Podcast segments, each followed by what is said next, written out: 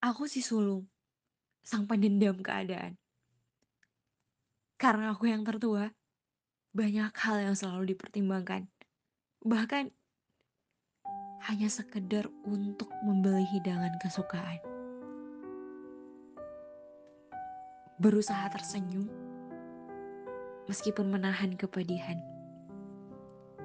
Terlihat baik-baik saja adalah keharusan. Sepanjang perjalanannya, senantiasa dirundung kekecewaan.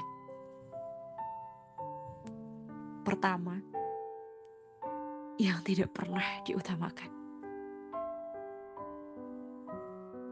Karena aku yang pertama, semua hal dituntut sempurna. Melakukan kesalahan adalah ketakutan yang paling nyata. Kepeduliannya permata yang tidak disadari banyak orang. Namun akhirnya selalu ia yang terbuang.